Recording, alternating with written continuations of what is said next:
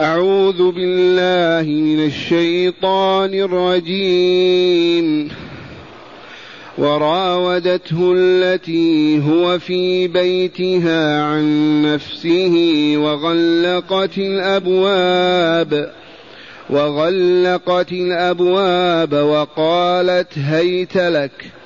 قال معاذ الله إنه ربي أحسن مثواي إنه لا يفلح الظالمون ولقد همت به وهم بها لولا أن رأى برهان ربه كذلك لنصرف عنه السوء والفحشاء إنه من عبادنا المخلصين. واستبق الباب وقدت قميصه من دبر وألف يا سيدها لدى الباب. قالت ما جزاء من أراد بأهلك سوءا إلا أن يسجن إلا أن يسجن أو عذاب أليم. معاشر المستمعين والمستمعات من المؤمنين والمؤمنات قول ربنا جل ذكره وراودته التي هو في بيتها.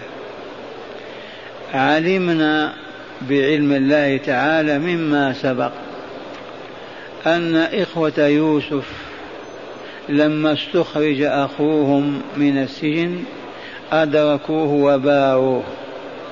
والذين اشتروه باعوه لملك مصر العزيز. اذا وأصبح يوسف في بيت العزيز الوزير أو الملك. اذا ولجماله وكماله وآدابه وأخلاقه. أحبته امرأة العزيز المعروفه بزليخة ورغبت فيه وهي غير مؤمنة ولا مسلمة من قوم كافرين. اذا وتعلق قلبها به فراودته. والمراودة يوما بعد يوم وساعة بعد ساعة بأسبابها وعواملها رجاء أن يجامعها ويقضي حاجتها. إذا وراودته التي هو في بيتها عن نفسه وغلقت الأبواب والأبواب جمع باب وإغلاقها وتغليقها دال على أنها كثيرة. باب الدار باب الحجرة باب البهو باب الغرفة التي فيها. إذ قطعت عن نفسها وعن يوسف أن يدخل أحد عليهما أبدا. غلقت الأبواب وقالت له هيت لك. قراءة نافع هيت لك. بمعنى أقبل وأنا بين يديك. أقبل علي. هيت لك هيت لك. إذا فأجابها قائلا معاذ الله. أي أستعيذ بالله وألجأ إليه وأتحصن به أن أقع في هذه المعصية. معاذ الله. وعلل فقال إنه ربي أحسن مثواي. وهذا اللفظ له معنيان صحيحان سليمان.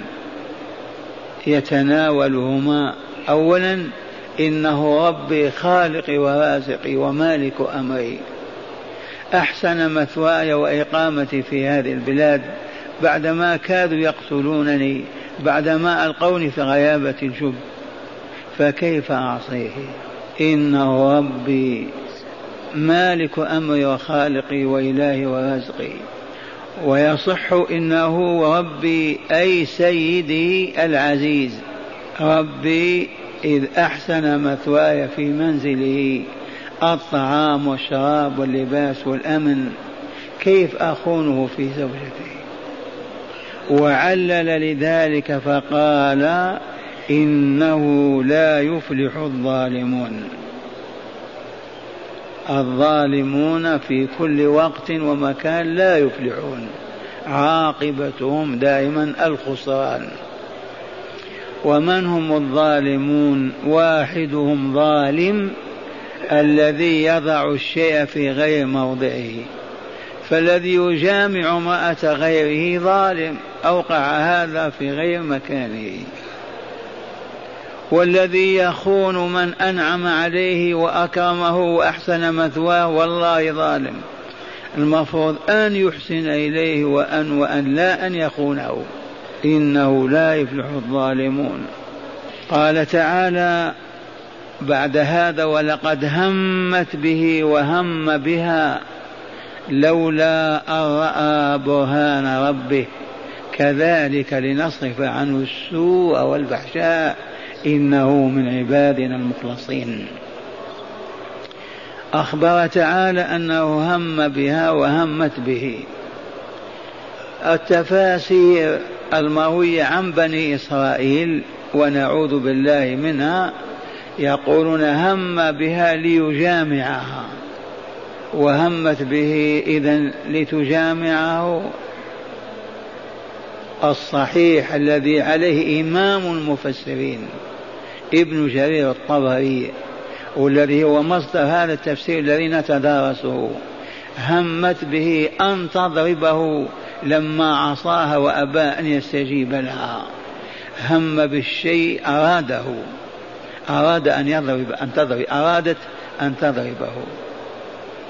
وهم هو بها من أجل أيضا أن يدفع عن نفسه أذاها وضررها. مشروعية الدفاع عن النفس. لكن ما ضربها لأنه ألهم على الفور في نفسه ألا يضربها وألا يؤذيها. إذا هذا الإلحاء الإلهام الخاص هو يفسره بعض المفسرين بأنه رأى والده في صورة أمامه ولا داعي إلى هذا كله. رأى برهان ربه لاحة واو المعرفة فأعلمته أنه لا ينبغي أن يؤذي هذه المرأة وأن يضربها. فمن ثم كف يده عنها وهرب وتركها. إذا لولا أن رأى برهان ربه لكان يضربها. ولكن لاح له نور الربانية فعرف أنه لا ينبغي له ذلك. قال تعالى كذلك لنصرف عنه السوء والفحشاء. السوء هو ضرب هذه المرأة وهو في بيتها والفحشاء هو الزنا الذي أرادته.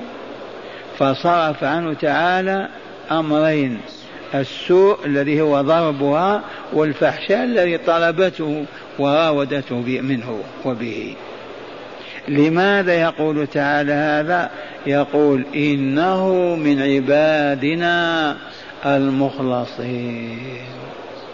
ما نرضى لهم أن يتلوثوا بالذنب والإثم لا بالسب والضرب ولا بالفاحشة. وهذا شأن الله مع أوليائه. يعصمهم يحفظهم حتى لا يخبثوا ويتلوثوا وهم أولياؤه. فكل من كان له ولي لا يرضى أن يتلوث. فكيف بالله عز وجل؟ إنه من عبادنا المخلصين. المخلصين الذين استخلصناهم لنا لولايتنا. ما تركنا للشيطان مجالا لهم. يأتيهم إليه.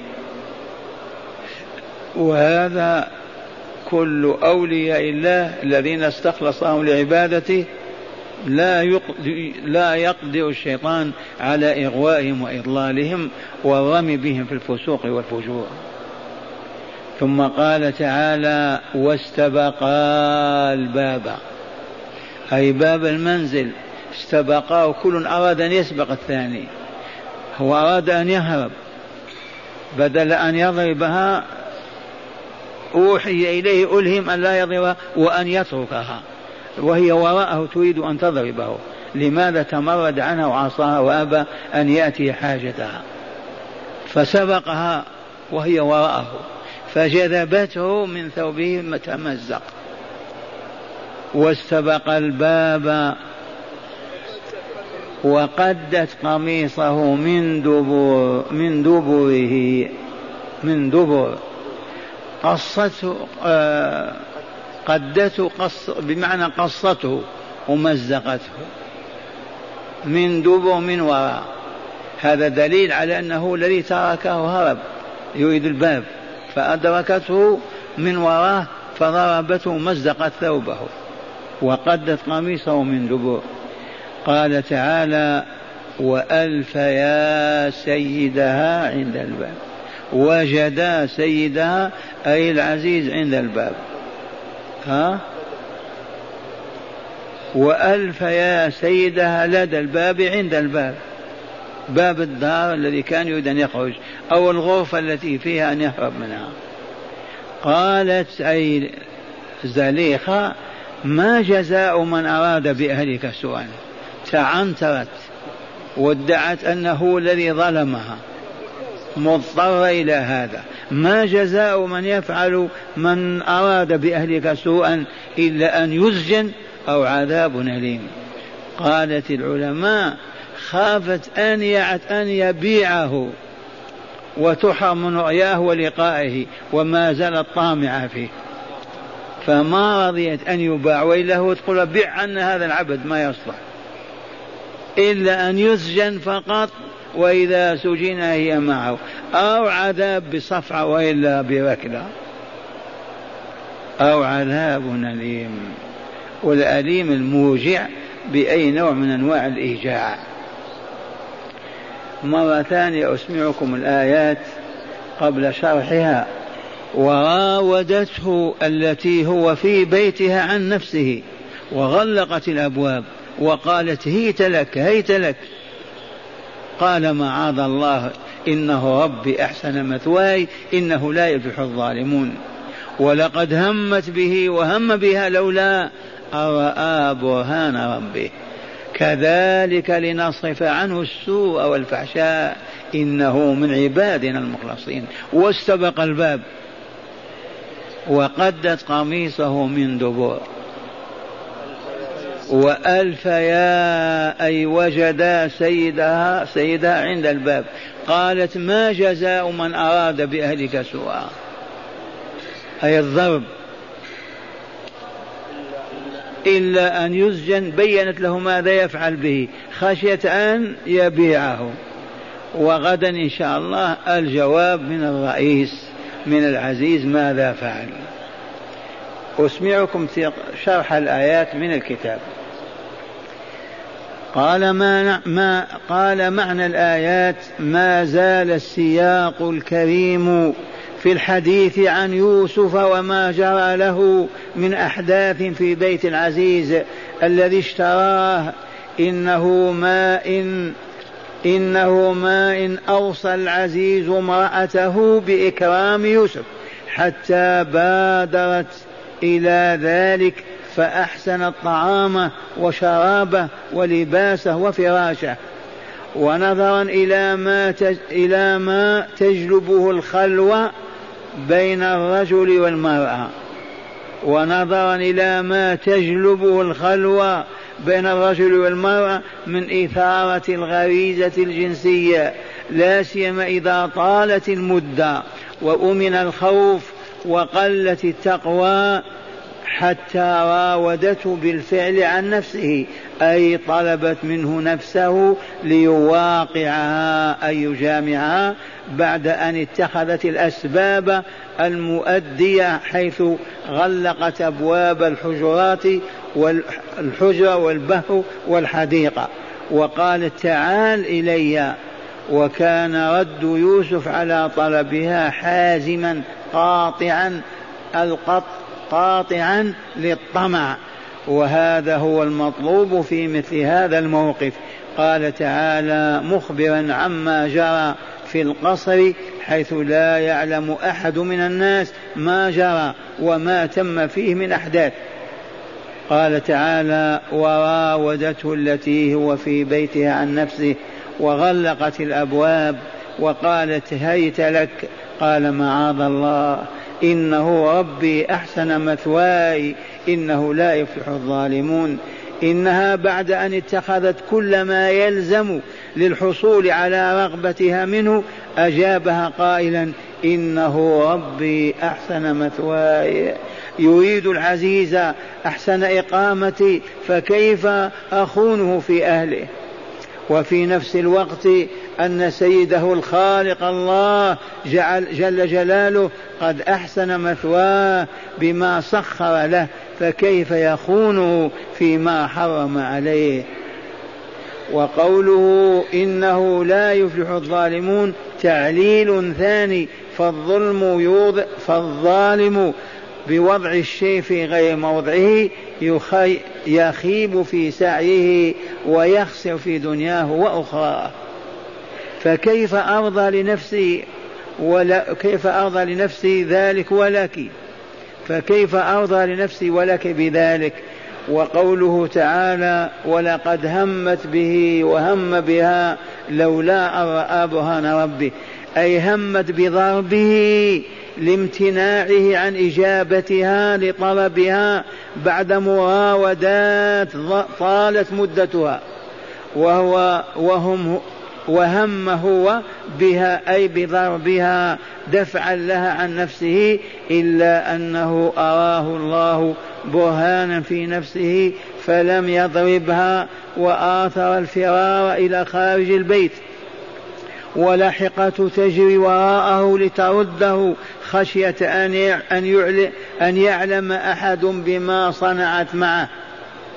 واستبق الباب. هو يريد الخروج وهي تريد رده إلى البيت خشية الفضيحة وأخذته من قميصه فقدته أي شقته من دبر أي من وراء لأنه أمامها وهي وراءه. وقوله تعالى كذلك لنصرف عنه السوء والفحشاء أي هكذا نصف عن يوسف السوء. فلا فلا يفعله والفحشاء فلا يقربها وعلل لذلك بقوله إنه من عبادنا المخلصين أي الذين استخلصناهم لعبادتنا ومحبتنا فلا نرضى لهم أن يتلوثوا بآثار الذنوب والمعاصي. وقوله تعالى ولقد وألفيا سيدها لدى الباب أي ووجدا زوجها عند الباب جالسا في حال في حال هروبه منها وهي تجري وراءه حتى انتهيا إلى الباب وإذا بالعزيز جالس عنده فخافت المعرة على نفسها فبادرت بالاعتذار قائلة ما جزاء من أراد بأهلك سوءا إلا أن يسجن؟ أي يوما أو يومين أو عذاب أليم يكون جزاء له كأن كأن يضرب ضربا مبرحا. إن شاء الله واضح معنى الآيات. هداية الآيات سقطت من التفسير وكتبناها اليوم. انتبهوا. من هداية الآيات أولا حرمة الخلوة بالمرأة الأجنبية لما يسبب من الفاحشة. حرمة الخلوة بالمرأة الأجنبية خشية أو من أجل أن لا يسبب الفاحشة. من أين أخذنا هذا؟ وراودته التي وفي بيتها لأنه معها. ثانيا مشروعية الاستعاذة بالله تعالى من مما يكره. من أين أخذنا هذا؟ قال معاذ الله ألجأ إلى الله وأتحصن به أن نقع في هذه الفتنة. ثالثا تقرير مبدأ تقرير مبدأ الاعتراف بالفضل لأهله. الاعتراف بالفضل لأهله. ماذا قال هو؟ إنه ربي سواء كان العزيز أو كان الله عز وجل. إنه ربي أحسن مثواي إنه لا يفلح الظالمون. أي تقرير مبدأ الاعتراف بالفضل لاهله إذا إذ تجاهله ونسيانه من الظلم. تجاهل الفضل لأهله ونسيان الفضل والله من الظلم. رابعا مشروعية الدفاع عن النفس. من أين أخذنا هذا؟ همت وهم بها. أراد أن يضربها خامسا عصمة الله لأوليائه حتى لا يقعوا فيما يكره من الذنوب والآثام. لقوله تعالى إنه من عبادنا المخلصين. ما نسمح لهم أبدا أن يفعلوا ذنبا يتلطخون به وهم أولياؤنا. وهذه عامة ليست خاصة بيوسف عامة بكل مؤمن ومؤمنة. صبرك ووعظك له وتوجيهك له على الله يتوب عليه أفضل من أن تفارقه.